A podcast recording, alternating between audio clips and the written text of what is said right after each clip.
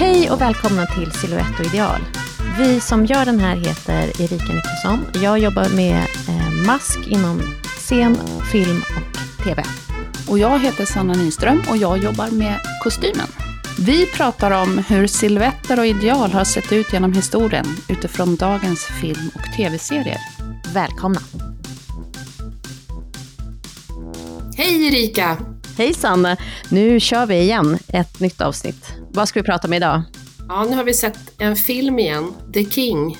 The King har vi sett. Ja. Det är en film som vi har sett på Netflix. Eh, den kom 2019. Eh, mm. Det är en film som är löst baserad på Shakespeares Henriader, som är löst baserade på verkliga händelser. Alltså och Henriaderna där det är väl mest Henry den fjärde och Henry den femte. Precis. Eh, och det, det var två av Shakespeares krönikerspel. De skrevs i slutet på 1500-talet. Den här tiden då, den här filmen, det är ju tidigt 1400-tal och det ser, i början av filmen så säger den så här någon gång tidigt 1400-tal, men det, vi är ju lite låsta till ett visst slag där också, så att jag tror vad vi kom fram till var att det kanske är mellan 1413 och några år framåt, kanske till 1419 eller något. Mm, det, det tror jag också. Den här gången testar vi någonting helt nytt också, att vi inte har pratat någonting eh, om filmen innan, utan allt, ni får höra allt i podden. Ja, det, det, har varit jättesvårt. Det är det svåraste den här gången tror jag, att inte ha kunnat prata om det här överhuvudtaget. Ja, alltså jag tycker också att det har varit svårt för att den här tiden är ju ganska svårresearchad. Det, man klumpar ihop allting lite till medeltiden som ju liksom spänner över flera hundra år. Så det är svårt att så pinpointa vad, alltså tidigt 1400-tal, hur såg det ut då? Jag tänker att modet kanske inte gick jättefort just då, Nej. men eh, det är klart att det har förändrat sig Ja, och det man har att förhålla sig till när man ska researcha den här tiden, det är ju till exempel fynd som finns. Mm. Drottning Margaretas kjortel och något fynd på Grönland och eh, Bockstensmannen som är tidigare 1300-tal. Sen även avbildat i manuskript, det är alltså dekorerade handskrifter och kyrkomålningar. Ja, även porträtt. Eh, kyrkomålningar har vi tydligen väldigt mycket i Sverige. Albertus Pictus, han var ju tysk men han kom hit och måla. Men mycket vanligt folk Albertus Pictor hette han väl? Albertus Pictor, han kom hit och målade. Mm. Och sen så är det ju texter beskrivet också. Men det som är svårt där, det är att i de här eh, manuskripten så är det ju blandat liksom i traditionella evenemang som till exempel kröningar, då hade man ju ofta mer liksom gammaldags kläder på samma sätt som idag så går vi ju på Nobelfesten i frack. Mm. Och skulle någon ha en bild då från nu så skulle man säga, och alla gick omkring i frack. Det funkar ja, och långklänning. Ja. ja och dessutom så har de jättemycket bibliska motiv, så att det är typ så här Susanna i badet. Och då kanske de har velat framställa folk. Så det är också svårt att man ska försöka se vad, vart man ska titta. Ja. Men jag läste också någon sån här eh, forskare om vad de tittade på och då fanns bland annat såna här olika almanackor. Eh, och där har man ju liksom avbildat vad som händer även på fälten, alltså under de olika månaderna. Och då var det både lite högre ståndsmänniskor eh, som satt åt picknick, typ. Och, men det var också bönder och hur de såg ut när de sådde eller skördade mm. och sådär. Och då är det avbildat. Så de måste man ju ändå tänka är på ett ungefär i alla fall. Ja, ja men det tror jag. Men nu så tycker jag också att man får ju skatta sig väldigt glad över internet. Ja, För där finns det ju väldigt många olika grupperingar med folk som är lite nördiga, som eh, har lagt upp eh, både sådana som håller på med reenactment, som är jättespecifika, ofta på specifika årtal, men också olika forskare och olika museer som har gjort samlingssidor eh, och så, som man faktiskt kan titta på, så man kan ta del av andras, eh, andras forskning. Innan dess Alltså, jag vet inte riktigt hur man skulle göra då, men det, mm det är ju toppen bra.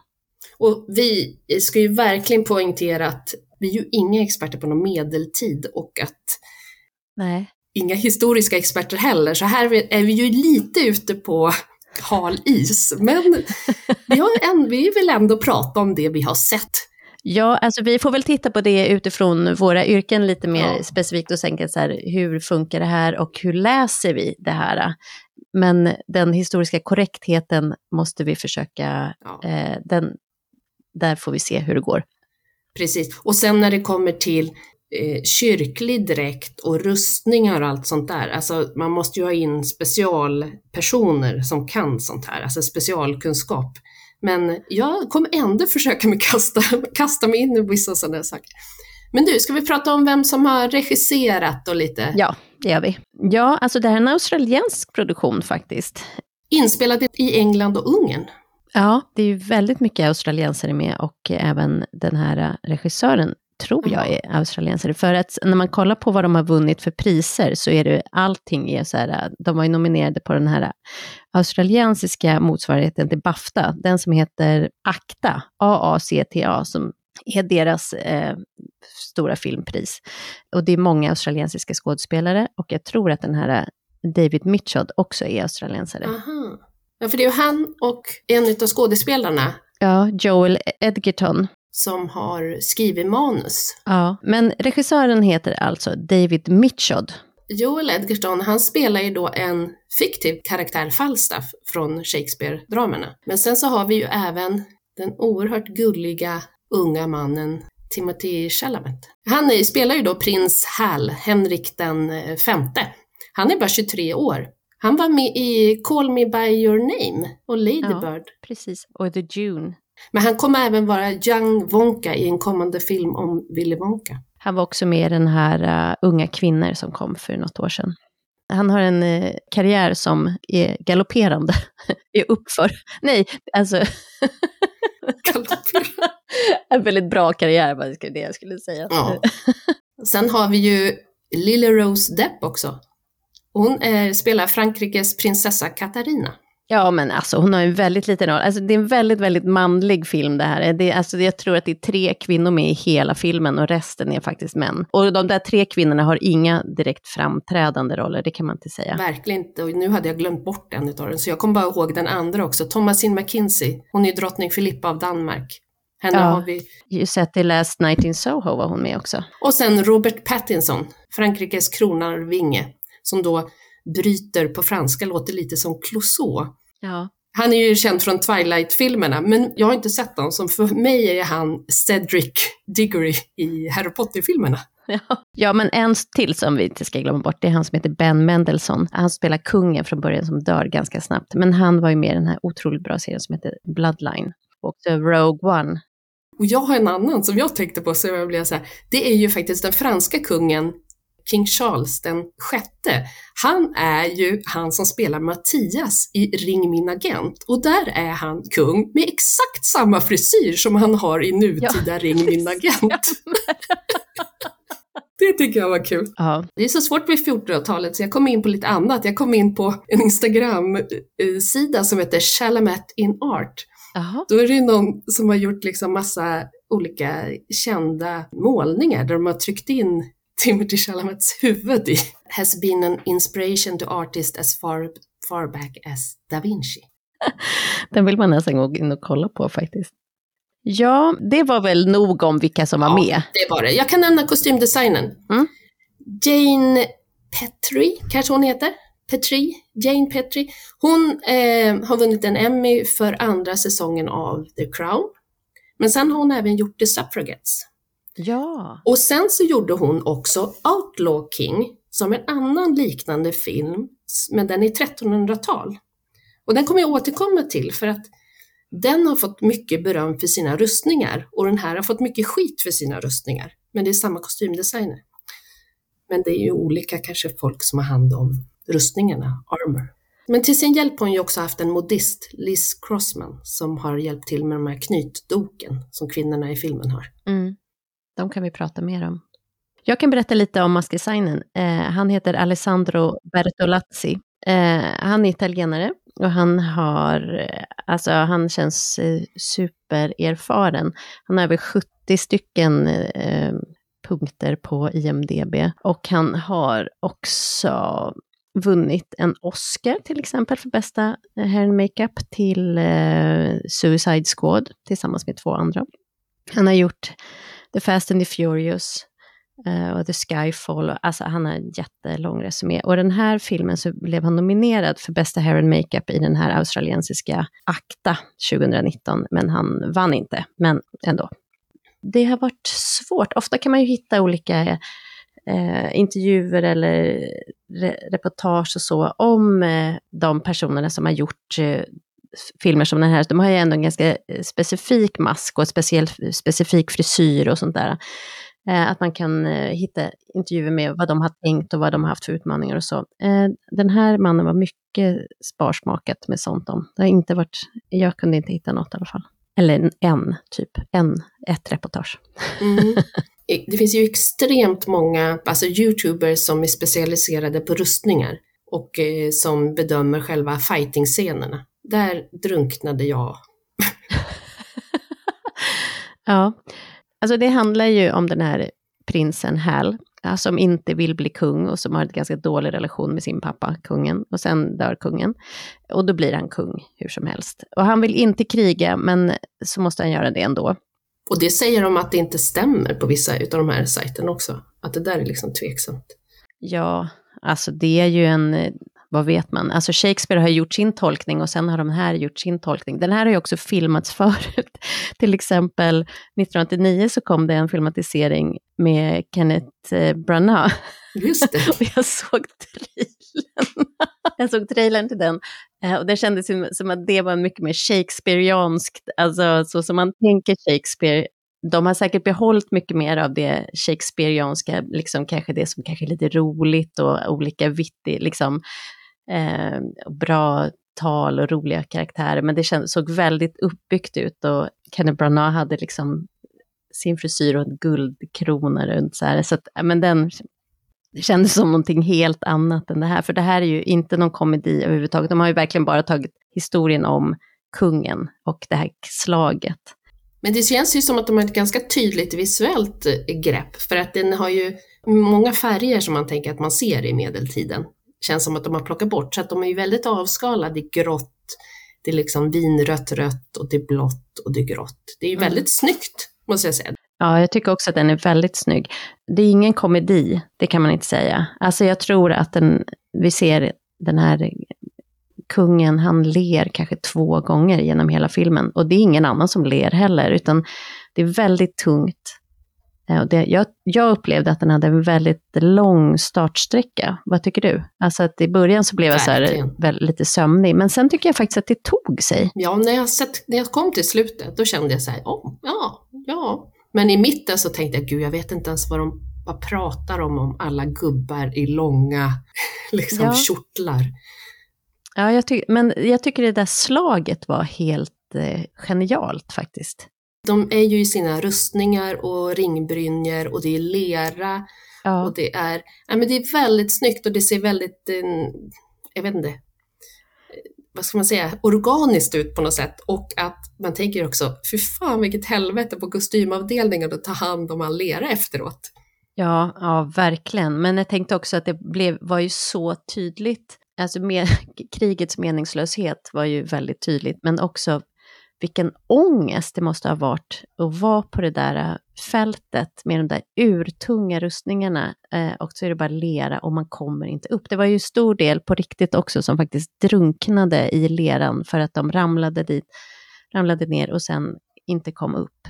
Eh, för att de hade för tunga rustningar. Då stämmer det ju lite av liksom själva taktiken eller det som de gjorde där. Vi ska inte heller spoila så mycket, men men när man tittar på lite bilder från slaget då ser det ju lite annorlunda ut. Men det tänker jag att så kan det vara för att man vill göra ett visuellt grepp på filmen. Så här. Jag tycker den tog sig och jag tycker i efterhand att den eh, Ja, de kanske hade kunnat korta det lite där. Eller jag vet inte, starten var seg alltså, men den tog sig.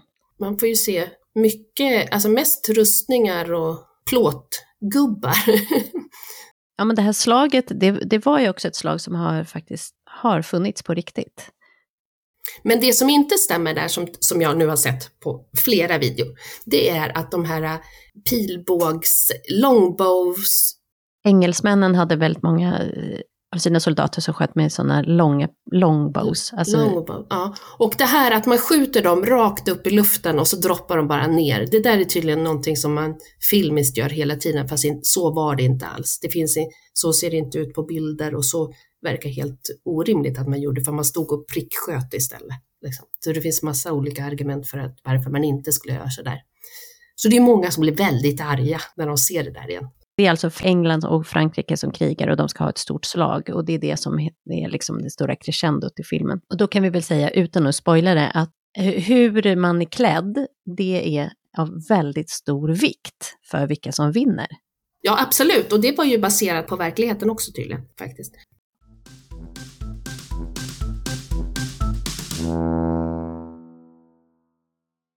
När jag såg att det skulle vara en 1400-talsfilm, då tänker jag så här, åh wow, alltså 1400-talet det är ju så känt för att vara så en fest i långa roliga armar och jätteskojiga hattar och långa snabelskor.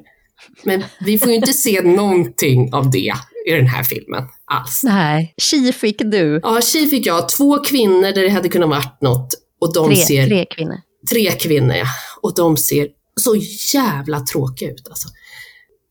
När man tänker på faktiskt vad de skulle kunna ha haft. Men det man kan säga om 1400-talet också, det är ju att det är en, det är liksom en smal, skön yngling som är själva idealet här. Till skillnad mot sen när vi kommer in på 1500-talet, då är det den här fyrkantiga Gustav Vasa... Fyrkanten med två ben? Ja, svampbob fyrkant. Eh, Medan här är det liksom en smal midja med en putande bröstkorg kanske på mannen. Medan på kvinnan, faktiskt tidigt eh, 1400-tal, så kan de ha en ganska hög midja med lite putande mage. Eh, från och med mitten på 1300-talet så börjar modet bli ganska tajt. Liksom. Att man har tajtare mode. Och eh, kjortlarna som männen har, de blir kortare och kortare. Det mm. ser man lite av här också, men inte supermycket faktiskt. Det, det som man ser då, som är vanligt som männen har, det är ju att de har brokor i linne, heter det. Det är ju deras, all, deras kalsonger. Mm. Det är sådana som Jesus har också, Jesus på korset. Han har brokor. Och det ser man honom, blivande kungen, ligger ju i sådana i ja. sängen. Men alltså hade Jesus det eller vad gjordes konsten på 1400-talet så att man tänker att han hade det? Han, han skulle kunna ha haft det. Ja. Materialen man har, man har linne underst och sen så är det ull, medan kungen och vid hovet så har man mycket, kan man ha silke och brokader. Och de här brokaderna, det ser vi ju inte någonting av i den här filmen. Men utanpå de här brokorna i linne så hade man hosor och det är ju liksom den tidens byxor. Och det var ju fram tills liksom en bit in på 1400-talet, då var det två olika lösa ben som satt ovanpå de här brokorna och så satt de fast i snören upp i midjan. Mm -hmm. Som jodpush? Precis, som, som, som slacks. Som man sen, sen så börjar man sätta ihop dem.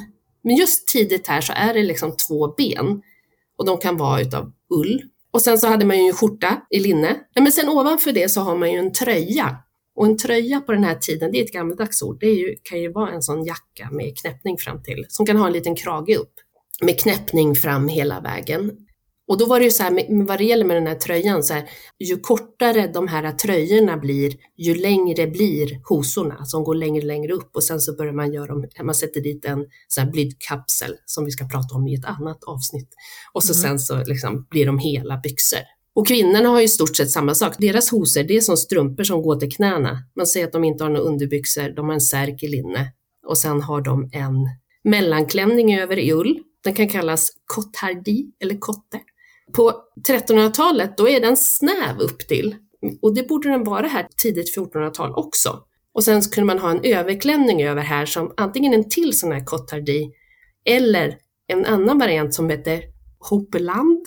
Hoppeland ungefär. Och den har väldigt mycket tyg och väldigt dyrbar. Det kunde både män och kvinnor ha. Eller så kunde man ha en surkott och det var liksom som en klänning utan ärmar med väldigt stora ärmgap.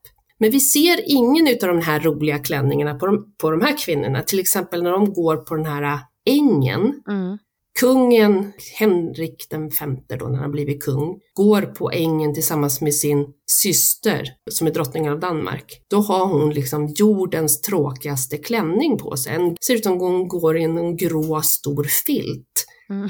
Och det känns fruktansvärt tråkigt. Man, här hade man ändå chansen att stoppa in något som var lite mer utarbetat faktiskt. Där har hon också en frisyr, hon har liksom ett, en tofsfläta som går ända ner till midjan. Ja, den har jag inte sett. Alltså den känns väldigt tjock och ganska oorganisk, tycker jag. Jag vet inte riktigt vad det är för frisyr alltså. Nej, på huvudet är det som hon har den här som kallas oh, borolé, eller någonting sånt där. Det är som en tygkorv liksom, som man ja. lindar runt huvudet. Ja. Det ser ut som att det är en sån.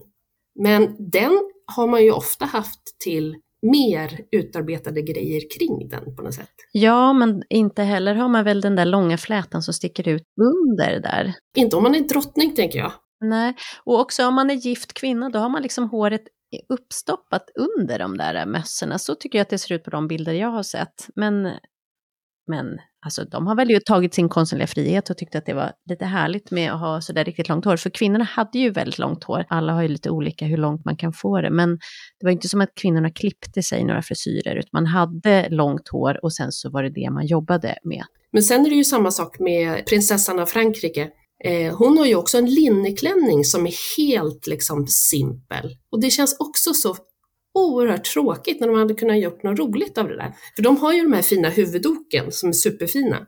Ja, det är där de har lagt krutet. Jag tror att jag läser någonstans att de tänkte när de hade de där specifika huvud, de har väldigt härliga konstnärliga huvuddok eh, som de har lagt ner mycket krut på och haft in en speciell eh, hattmakare att göra dem. Då tror jag att de tänkte så här, man kan inte ha både mycket på huvudet och på kroppen för det blir för rörigt. Utan då valde de det. Jag läste det och det, det kan inte jag acceptera. Nej, men jag tycker, 17, man hade kunnat haft en jättefin liksom, brokadklänning i liksom ett med, silke som är liksom mer dämpad, som hade passat in i hela den här färgskalan. Eller en sån här överklänning över en kort Alltså man hade kunnat, det fanns så mycket möjlighet när man hade två kvinnor. Istället så har man valt så himla tråkigt. Jag tycker inte det hade förstört för huvuddoken, knytdoken tycker jag är superfina. De är otroligt vackra. Det tycker jag också, men däremot har de gjort ett jättekonstigt val att de har, hon har liksom utsläppt hår under doket. Oh, fruktansvärt fult. Ja, det är bara väldigt märkligt. Man har ju dok för att täcka håret. Eh, då är det så märkligt att de har liksom satt hon har, de har lockat hennes hår lite härligt och sen har de satt doket... Lite härligt nutida. ja, har de satt doket uppe på. Det är som ett så konstigt val. Men... men det ser så förskräckligt ut och det är som att, det, de, att håret sticker ut och att hon har en sån tråkig klänning. Det dödar ju allt. Hon är otroligt vacker men det hade inte varit tråkigt om man hade gjort det mm. andra. När de går över den där ängen då, igen är jag tillbaka till det, han då han har ju en jacka som har ett väldigt fint tyg, men den hade ju jag velat haft mer markerad i midjan. Den sitter liksom lite pösigt på något sätt. Det är ju en slags doblé tröja i något fint liksom brokadtyg. Och så, sen så ser det ju också ut som att han har typ skinny jeans på sig. Ja. som gör att det blir lite modernt. Men, men det, det, han har på den där jackan som man känner igen, det är att Eh, på ärmarna på medeltiden så hade man en speciell, det kallas liksom tallriksärm, så att axelsömmen är väldigt kort och så går, alltså själva kroppen på plagget är mer som ett brottarlinne och ärmen har liksom en stor rundelin på baksidan och det ser, det ser man. Men jag tycker att han hade kunnat haft en liksom mer, han skulle haft en mer markerad midja och lite stoppad bröstkorg liksom. Där hade man en chans att se en man och en kvinna i jättefin siluett gå på ängen. Ja, de har väl valt att inte göra det för att man tänker att man ska känna igen dem och att man inte ska sitta och bara titta på kläderna utan höra vad de säger. Och vi ska tänka lite nutid och känna igen oss i dem. Men ett par snabelskor ja. hade väl suttit fint på honom där, Sanna? Det hade ju suttit fint. det hade piggat upp.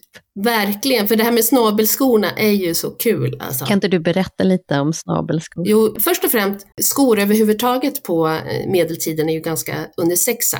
Mm. Och vill man veta mycket och rätt om skor, då kan man ju lyssna på den här till exempel Återskapat-podden, de är ju proffs på skor. Men det man hade var att man hade vändsydda skor så att inte sömmarna syndes utåt. Men då var det ju de här snabelskorna som männen hade, alltså rika män långa avsmalande skor med lång spets. De kom mitten på 1300-talet och fortsatte hela 1400-talet. Och det är också roligt att man har den där smala långa skon, för sen så på 1500-talet så kommer oxmuleskon som är totala motsatsen, som är kort och bred. Den ska vara så bred som möjligt istället. Men de här, de kom då från, man brukar säga att de kommer från eh, Polen, kallas då Krakows för att det var i Krakow i Polen, eller Polans kan de kallas, eller om själva spetsen kallas Polans, det vet jag inte riktigt. Och då kunde de ju vara stoppade liksom med hö eller grejer. De kunde typ vara, ja men vad står det, som längst, men nu är det ju så här extremt att det var någon som var 60 centimeter eller 2 till 2,5 gånger foten. Och var de så långa så var man ju också tvungen att ta ett litet snöre och knyta dem mot knäna så att man inte snubblar på dem. Jag tänker att jag skulle snubblat hela tiden. Men alltså de är så fina och man ser dem på så många bilder. De ser helt fantastiska ut faktiskt. Comme des Garçons, de gjorde något liknande 2015. Men sen så finns det ju en jätterolig liten subkultur i Mexiko mm -hmm. som har botas picudas, tribal boots. Ja. Det är alltså det är som mexikanska spetsiga cowboyboots. Det är en liten subkultur tribal kallas de, som spelar musik som är liksom elektromusik liksom blandat med kumbia och prekolumbiansk så. Då har de en viss stil att de har så här västernskjortor eller cowboyhatt, skinny jeans och de här cowboybootsen med jätte, jättelånga spetsar. Alltså de kan vara upp till en och en halv meter. Kan inte du lägga upp bilder på dem på vår Instagram? Jag måste göra det för jag satt hela natten och tittade på de här videorna. Det är som boybands, så det är manliga dansgrupper, jag har sett några kvinnor också, men mest manliga dansgrupper som tävlar i matchande kläder och i koreografi till den här musiken med de här bootsen. Det låter underbart, alltså ett stickspår från The King, men väl värt att nämna. Verkligen, men det har med snabelskor att göra, för de är lika smala. Men ja, ja, så var det med det. Så de har levt vidare ändå? Nej, men de är ju väldigt eh, typiska för medeltiden, snabelskorna. Ja. Det måste man veta vad det är.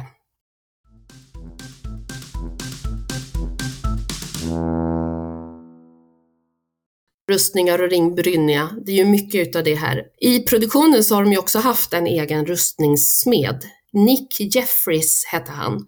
Han har då gjort eh, rustningarna till liksom, huvudcasten som har dialog och sen har han även gjort då kopior i polyuretan för slagsmålsscenerna. Men det man kan säga om rustning, alltså det här finns ju folk som är superexperter på det här, men rustningarna har alltid följt modet. Så att alltså siluetten på rustningarna följer modesiluetten. Så till exempel på 1400-talet, då var även rustningsskorna var så här spetsiga. Ja, just det har jag sett faktiskt. Ja, och man hade en markerad midja. Och eh, i början på 1400-talet, då är det så att yrkessoldaterna, de har, de har helrustning.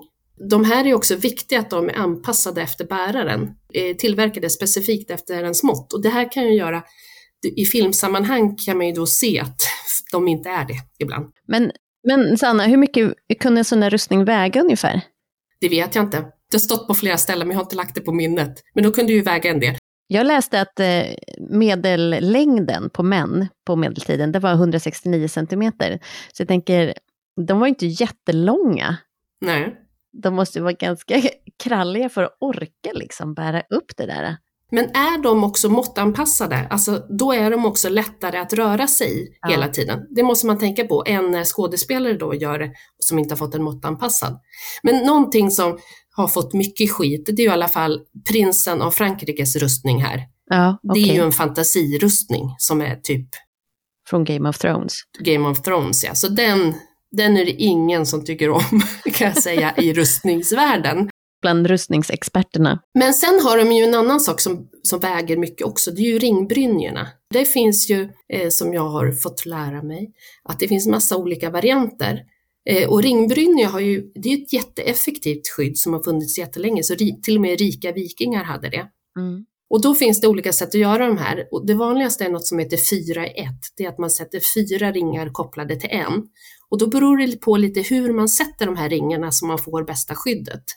Liksom i vilken vinkel. Och sen så finns det andra, typ japanska, de har sex i ett och sånt där. Om vi tänker att du tar en ring och gör, gör en ring utav en liten pinne, då blir det ju som en liten öppning. Mm. Den ringbrynjan blir inte så stark, medan det man gjorde, det var att man gjorde nitade ringar. Då är det liksom en ring som går omlott och så har du liksom en nit på varje ring. Mm. Och då kan du ha en mycket tunnare ring. Och de ringbrynjorna, de är mer riktiga, de är lättare, de är inte lika tjocka och de eh, skyddar mycket bättre. Mm -hmm. Och det man ser här, det är ju faktiskt att eh, kungen, Henry V, han har en sån nitad ringbrynja. Och det är ju väldigt fint. För sen finns det ju många filmer, alltså till exempel Ivanhoe, då har man ju gjort den här varianten att man har stickat rätstickning sprayar med silver eller stickar med silvertråd och det är det som blir liksom ringbrynjan. Täcker inte så bra mot svärdshugg. Det de mycket gör i filmer, det är att de har den här ringbrynjehuvan direkt på huvudet utan någonting under, en vadderad liksom coiff eller huva eller någonting. Mm. Och så hade man inte. Så hade man verkligen inte, för det skyddar inte alls. Och dessutom om man kollar på Falstaff här, så har han, han har ingenting under, Sen är hans ringbrynja liksom väldigt stor. De här, tittar man på bilder så ska den liksom smita åt kring kinderna och skydda halsen. Hans hänger liksom helt stort, så han är helt fri i halsen. Men det har de ju antagligen gjort för att de tycker att det ser snyggare kanske. Ja, det blir ju lite bebismössa om den sitter sådär jättetajt såklart. Mm. Till exempel då har de jämfört då mycket med den här Outlaw King där har de värdering under, plus att de har liksom en annan slags hjälm som sitter halvt på ringbrynjan som ser mer riktig ut. För det kan man ju tycka att kungens närmaste män, de borde ha mer riktiga, de ser man mycket mer. Mm, jag tänkte på kostymavdelningen just i det här slaget, att då skulle de, att de då, alla soldaterna har sådana brynjor, eller eh, vad heter det, rustningar, och att de såg ju likadana ut, eller gjorde de inte det? riktiga, om man tittar på bilder, då har de ju haft liksom tyg, eh, tabarder heter det tror jag, över så att man ser lite färger och heraldik och grejer. Ja, för det tänkte jag också på i det här slaget. Hur fan vet man vem som är vem? Det är bara som en enda soppa av, alltså det är bara döda alla som är runt omkring en. Det är omöjligt att veta vem som hör till vilket lag faktiskt. Precis. Jag kom på ett annat skydd också så faktiskt som man ser mycket att de har. Gambeson, alltså den här vadderade, det ser ut som en kviltad vadderad jacka. Man ser att många har det istället för rustning så har de den här vadderade jackan, eller man tror att den är vadderad. Eh, men det är inte det, utan det är flera lager linne. Och det, det kan vara något lager ull också. Men det kan vara ända upp till 30 lager linne. Och det här, det blir superstarkt. Det blir nästan starkare än läder har jag läst för, som ett tygpansar som skyddar jättebra mot så här skär och sticksår. Så den kombon med den här äh, gambesonen och ringbrynja, det är ett jättebra skydd.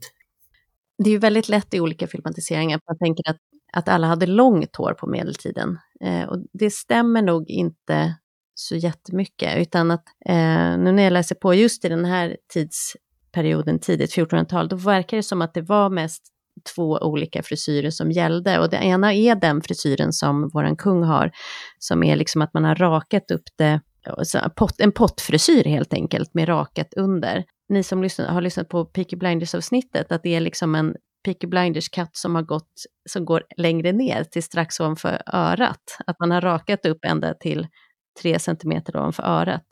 En riktig pottfrisyr helt ja, enkelt. Precis, pottfrisyr. Ja. Eller så att man hade liksom en lite längre variant eh, av den, att det går liksom strax över örat som en page och eh, väldigt populärt med en lugg som är liksom som en framåtkammad hellugg. En kort lugg? Ja, en kort lugg, framåtkammad Eh, en del äldre män de hade lite längre hår och eh, hade också mer skägg, men det verkar som att yngre män hade inte skägg. Man hade, hade absolut inte bara polisonger eller bara mustasch, det var det ingen som hade, utan antingen hade man ett skägg eller så hade man, var man renrakad. Och det var mer de äldre som hade lite skägg. Då, då. Och det kan man ju tänka speciellt om man var soldat, att om man ska ha på sig ringbrynjor eh, eller alla de här olika rustningarna, då är det superopraktiskt att ha ett långt hår. För att eh, det är både att det fastnar i olika saker. Men då hade man ju egentligen den här lilla hettan, koaffen, skulle man ju haft över. Liksom, ja, men ändå att det liksom sticker ut. Ja, det är fult. Att det fastnar. Om det ska sitta en sån här ringbrynja långt upp nära ansiktet, då kan man tänka att det måste ju också kunna fastna i skägg och sånt där. Så jag förstår att man kanske inte hade det. Att det var ja. väldigt opraktiskt liksom.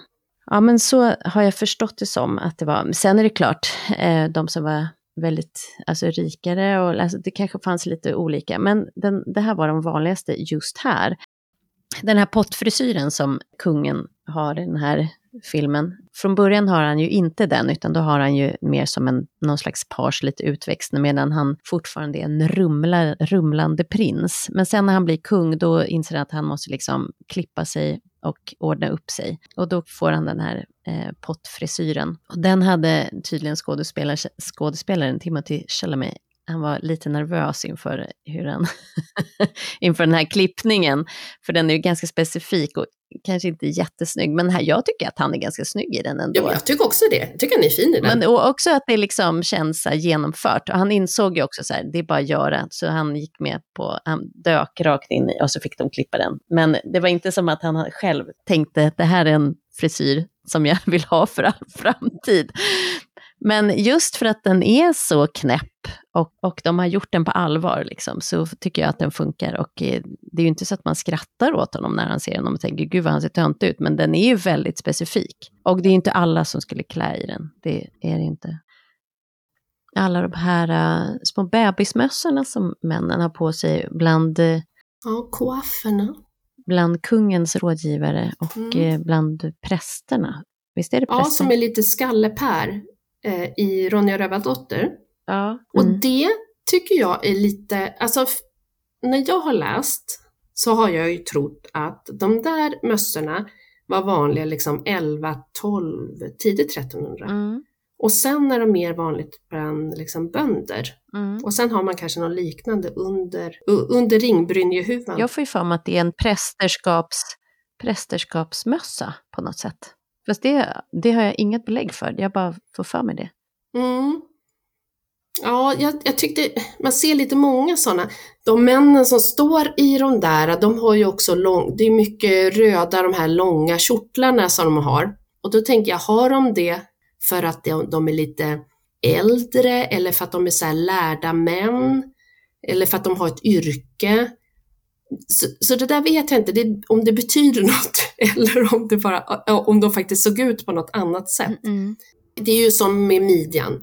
Alltså midjan åker fram, liksom upp och ner. Tid, tre, mitten på 1300-talet har kvinnorna liksom ett smalt skärp på, nere mot höften. Och sen så har de den här, den här klänningen behåller de fortfarande, och så har de en överklänning och så sätter bältet under bysten istället. Ja, och det är samma med frisyrerna, de åker ju upp och ner lite grann. Men jag fattar det som tidigt 1400-tal så i alla fall männens midja borde sitta precis i mitten om man tittar på hur rustningarna är då. Medan det är jättemånga män i hans hov här. De har ju liksom ganska lösa kjortlar med bältena på höfterna. Men det kanske finns en anledning till det som inte jag Även på den tiden måste det ju vara, eller kanske framförallt på den tiden var det väl så, så här, man fick en kjortel och sen hade man den tills den gick sönder. Så att eh, det kanske inte var så att man hade, alltså att man hade den frisyren och den skjorten man hade haft när man eh, fick det. Och sen så hällde i det ganska hårt, länge.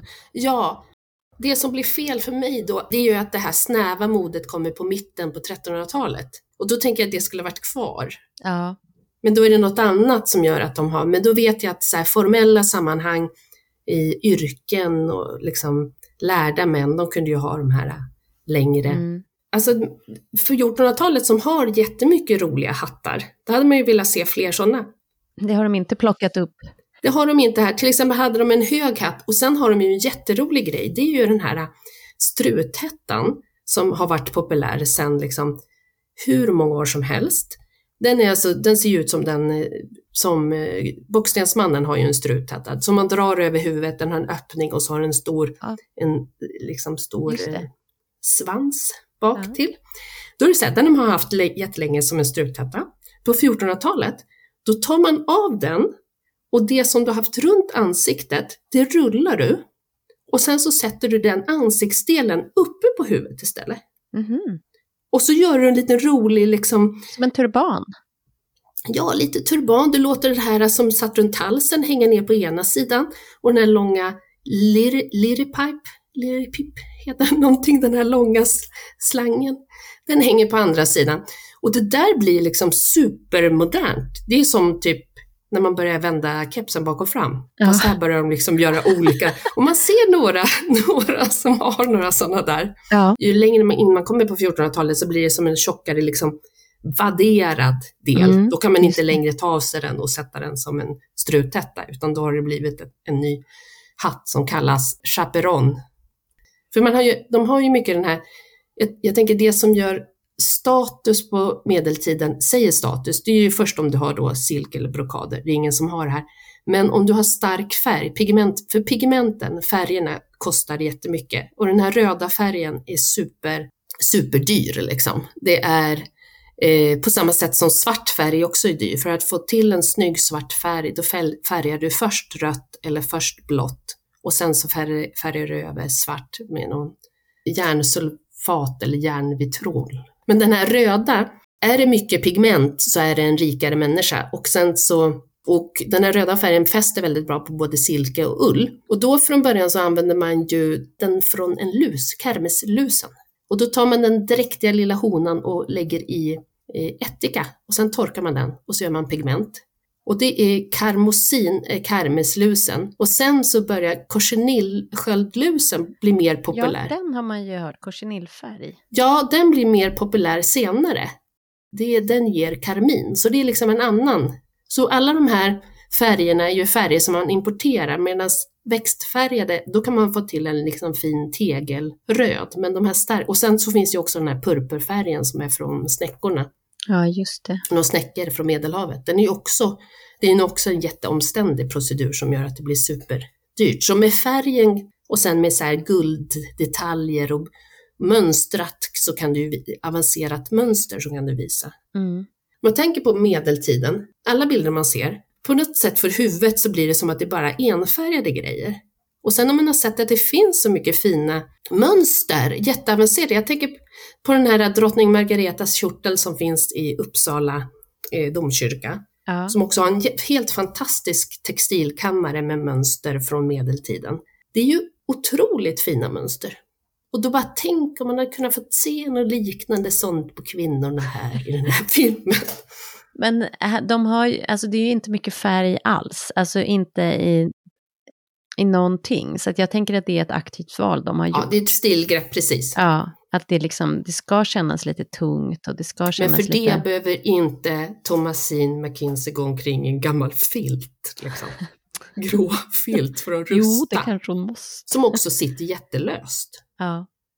För den här Cotardin, den skulle ju sätta ett lite slät, liksom tight upp till. Mm. Eller en hopplande som man hade som var liksom lite hög i halsen och hade jättemycket väck och då satte man den med ett brett skärp under bysten. Ja, på den här tiden var det ju också väldigt inne att eh, kvinnorna skulle, de plockade sina hårfästen högre upp. Alltså man tyckte det var snyggt med en hög panna och ett ovalt ansikte och att man skulle ha mycket panna för det liksom signalerade att man var intelligent och att det fanns renhet och sådär. Så man plockade eh, hårfästet ganska högt upp och även eh, ögonbrynen plockade man så att de bara blev pytte, pyttetunna streck kvar. Det finns jättemycket sådana här små pincetter och sånt från den här tiden, men det kan man ju också se på målningar och så att de har jättehöga hårfästen. Och det ser man ju speciellt med vissa av de här huvudbonader som kvinnorna har. Jag tänker den här hennin är ju som en, den som en, den här struten där det hänger en slöja som är en sån här klassisk prinsessgrej. Ja, just det. Det var ju liksom ett burgundiskt mode som egentligen bara mest fanns där. Mm. Men där passar det ju väldigt bra med den här höga pannan. Men det finns ju andra utav de där också. Ja, men det är ganska mycket med, och de har de här stora bullarna på sid, eh, flätor som sitter vid öronen så här, och också som växer ut som horn. Det är ju ganska många. Eh, de där hornen läste jag, de kunde bara bli större och större vissa hade svårt att komma in eh, genom dörrar med de där hornen. Fast det, det, ser man faktiskt inte direkt på målningen att de var så stora. Men hornen, de, eller inte som jag har sett, men jag har läst om dessa, så att de var så jättestora. Man hade ju mycket dok och mycket eh, liksom, tyg som skyddade runt huvudet och framför allt eh, gifta kvinnor hade det.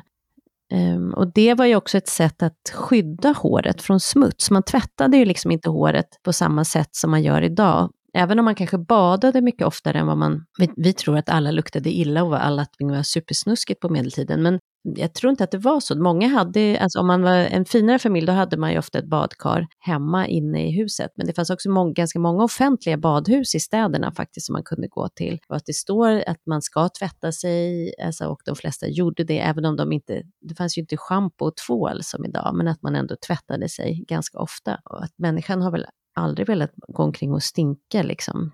Man sköljde igenom håret, men eh, kanske inte varje gång man badade, utan man, man kammar i håret väldigt mycket och borstar liksom bort, eh, om det var något damm eller sådär, så, men man kammar ut och om man inte tvättar håret lika ofta som vi gör, då blir det ju inte fett på samma sätt. Och genom att man kammade håret hela tiden, varje dag, då kammar ju ut det som liksom är fett, flottigt från huvudbotten, liksom, hårbotten, så kammar man ut det till topparna. Så att på ett så sätt så blev det liksom eh, renare.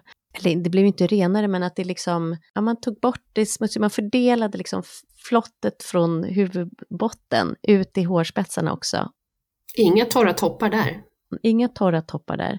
Och sen så kunde man ha olika eh, örter örter och torkade blommor och sånt där som man, som man mosade ner till pulver som man kunde liksom ha i håret, som man fördelade i håret så att det skulle lukta lite bättre. Och sen flätade man det eh, och satte upp det. Man hade ju alltid uppsatt hår. Och sen så hade man på olika, du, liksom, olika dok och sjalar och så för att det inte skulle komma damm och smuts i håret. Och på så sätt så liksom såg håren inte så smutsiga ut som vi tänker att de gör, gjorde. Ja, vad jag har förstått så verkar ju i alla fall på 1300-talet ha varit väldigt mycket flätningar. Ja, jättemycket flätningar. Och att de också hade extra flätor och bygga upp det här. De som inte hade tillräckligt mycket hår, då satte man dit en extra fläta av någon annans hår. Då kan man ju tänka att det är väldigt smart med flätningar när man har smutsigt hår.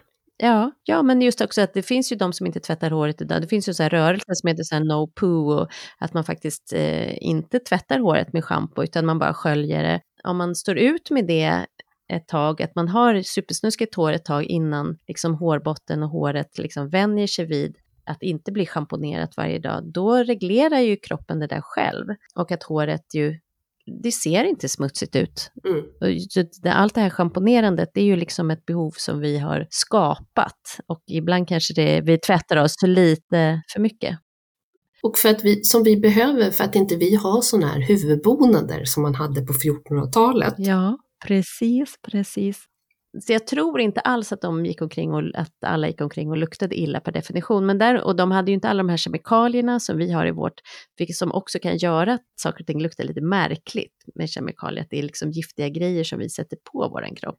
Så jag tror att det vi tycker luktar gott idag, det kanske inte är samma sak som de tyckte luktade jättegott då, men däremot så tror jag inte att de per definition gick omkring och luktade illa hela tiden. Nej, att de inte hade luktsinne. Tänderna var ju mycket, var ju inte alls dåliga, så som vi tänker att alla hade dåliga tänder då, eftersom det inte fanns raffinerat socker. De åt inte alls så mycket socker som vi eh, gör idag, så att de fick inte karies alls på samma sätt. Eh, och det fanns, finns flera recept på olika sätt att liksom få bra mun, eh, alltså bli av med dålig andedräkt och att man tvättade och sköljde munnen med vinäger och att man skulle gnugga det med mynta och i gommen och sådär. Så det finns ju flera recept på att man liksom, hur man skulle göra för att få bättre andedräkt och sånt där. Så att... Generellt så är det lätt att man vill säga så här, ja men förr i tiden var de dum i huvudet och så jävligt. Hon luktade jätteilla, gjorde jättekonstiga saker. Ja, alla var snuskiga. Ja. Sådär, men att det liksom, att jag menar, vi har, man gjorde saker då också för att göra sig, man var fåfäng då också och ja. ville göra sig fin. Alltså att man hade luktsinne även på medeltiden. Ja. Och man kände sig snuskig om man var smutsig såklart. Och, men sen hade de ju mycket mer fysiska arbeten så det är klart att de blev smutsiga. Men jag menar, de hoppade väldigt spat då också. Däremot så tänker jag på om man skulle då eh, bada i ett varmt bad, hur mycket jobb det var eh, för att få till det där varma badet. Både för att hämta allt vatten mm. men sen också värma vattnet. Och så var det väl någon slags ordning då, så man slängde inte ut vattnet då sen kanske, utan det var någon annan som ville bada i. Ja, kanske flera stycken som badade i det där. Och annars så var det ju, alltså det, det här börjar kännas tjatigt, men att idealet var att man skulle ha ljus och fin hy. Men här så var det kanske också så att det fanns så många sjukdomar som hade olika koppor, liksom, så att man kunde få ärr.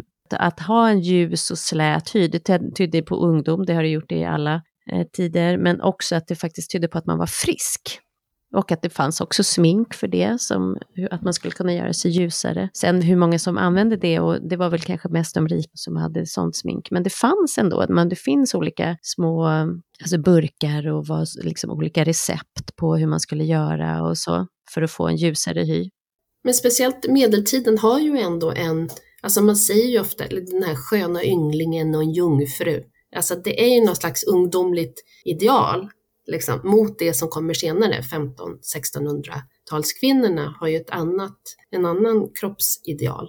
Ja, ja, den där ljusa hyn är väl också ett tecken på att man har pengar och inte behöver vara ute på fälten och bli brunbränd. Ja, jag läste någonstans också att de hade handskar för att behålla den vita hyn. Det passar i sådana fall bra. Jag vet inte om det stämmer, men det... Kanske. Kanske. Det är mycket kanske med det här avsnittet i alla fall. Men en sak de hade som är ganska typiskt för medeltida kläder, inte typiskt, det är inte alls typiskt, men det man kan se där som man ofta hänger upp sig på, det är de här mi-parti-kläderna. Det är alltså att man har kläder som är delat i, på mitten i två olika färger. Ja, ja, just det. Jag tänker narr då, men det kanske är för fler som Ja, narr och gycklare har ju jättemycket haft det, men det var också vanliga, liksom, speciellt män kunde ha liksom en byxa i ett tyg och en byxa i, ett, eller alltså ett, i en färg. Var det för att man var tvungen att ta vara på alla tygrester? Liksom? Det kanske var det, men sen också att det blev som ett litet modegrej, att man Eh, ett tag var det fler i överklassen, ett tag var det, det har varit fler män än kvinnor som har så, men det finns bilder på kvinnor som har så. Ibland, vissa perioder har det varit tjänare, alltså medeltiden är en lång period. Men det finns då och då, men det verkar som att det oftare är rikare. Ja, alltså det är ju det är lite knepigt med den här tiden, för det är ju stor, såklart stor skillnad på hur det såg ut i Italien på 1100-talet och i Tyskland på 1400-talet. Så att, och, ja, det är lite svepande, tycker jag. Så att, och hur de här vågorna och bågarna går. Och det är svårt att följa dem och få någon slags klarhet. Och det är ju för att det är så svårt att, att veta exakt. Så att vi är också lite svepande idag, tror jag.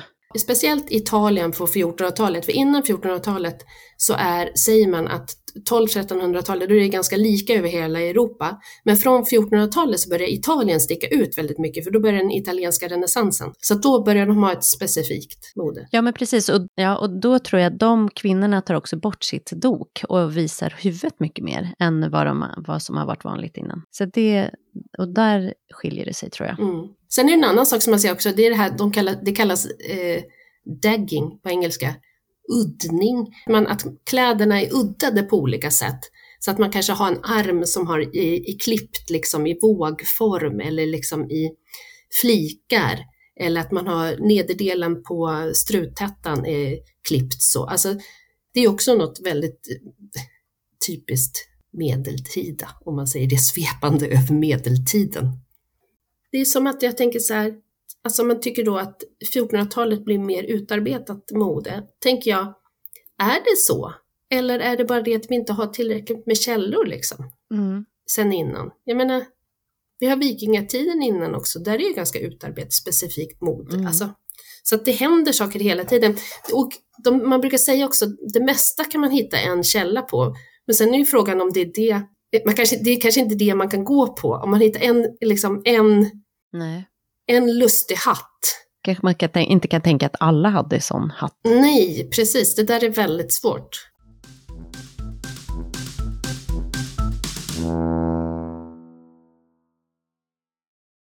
Ehm, jag kan ju säga att jag läste att den franska kungen, han led av mental ohälsa på riktigt. Han blev, eh, han blev tokig. Han mådde inte så bra innan det här slaget och efter det så blev han eh, helt eh, tokig. Och så det var hans fru, Isabella de Bavière, mm -hmm. som var drottning, som eh, hon var den som liksom ledde, ledde Frankrike under lång tid. Ja, henne har jag sett bilder ja, på. Hon var den tidens modeikon. Ja. För, här, för den här tiden, då var det faktiskt hon, eller då var det Frankrike som var den rådande. Just det, och henne har jag sett fina bilder på. Ja. Där, där, får man se tydligt liksom kläder och huvudbonader på henne. Ja. Och hon har ju de här... Hornen. Ja, hornen och den här Hopeland som den heter, som är liksom en klänning i full längd med lite hög krage, mm. mycket vidd som man sätter ihop. Och sen fodrad med päls. Det finns en bild när hon sitter med sina hovdamer. Då har ja. allihopa sådana där stora eh, hornfrisyrer. Den bilden kanske vi behöver lägga ut på vår Instagram. Den behöver vi lägga ut, för där har hon ju brokad också. Och jättemycket färg. Ja, jättemycket färg. Jag undrar om det är någon på den bilden också som har en sån här surkott. De här äh, stora äh, öppningarna som var i sidan. Som man säger ja, att de kallades helvetesgap, men det var ju ett namn som man kom på, på under 1800-talet. Så man kallar dem inte för det på medeltiden.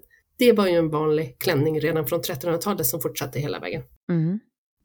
Jag tror de flesta som vill bedöma den här filmen, de tittar ju mycket på liksom rustningarna och fighting-scenerna. När jag kollade snabbt då så tyckte jag, ja men det här ser ju liksom ganska fint ut. Men sen så när jag tittat så ser jag att rustningsvärlden rasar. För att det är en blandning av allting, av massa olika stilar och det ser inte bra ut.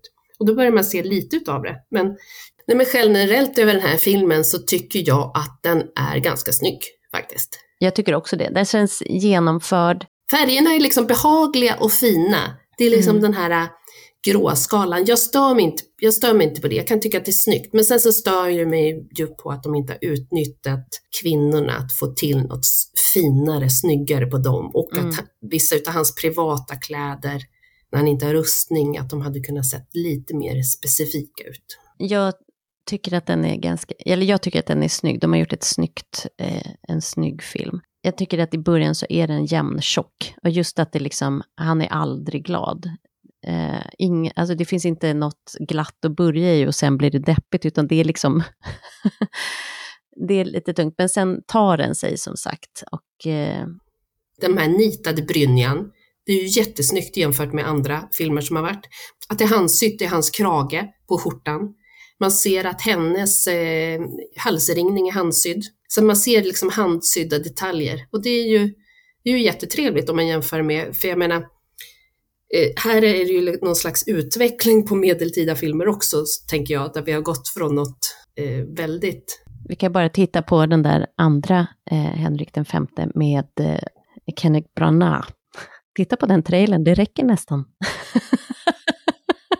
för att se utvecklingen. Det är, två, alltså det är två helt olika, det är samma manus i grunden, men alltså det är två helt olika visuella idéer.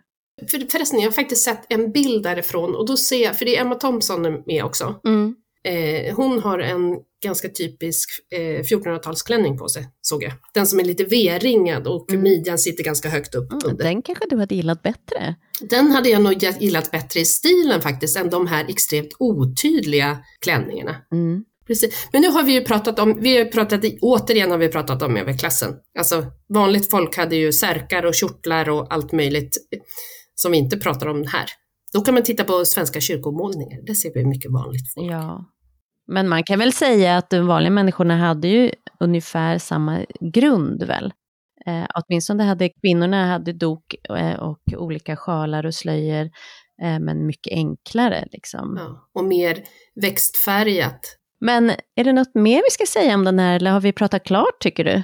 Vet du vad limotej är? Nej.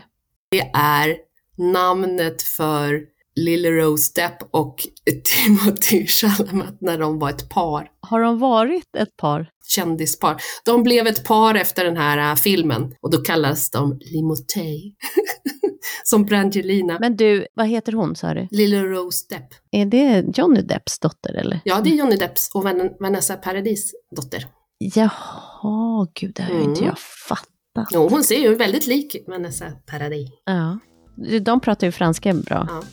Eh, jag tycker att vi säger tack för idag och eh, gå in på vår Instagram och kolla där vi lägger ut lite bilder. Ja. Vi hörs snart igen. Hej då! Tack för idag. Hej då!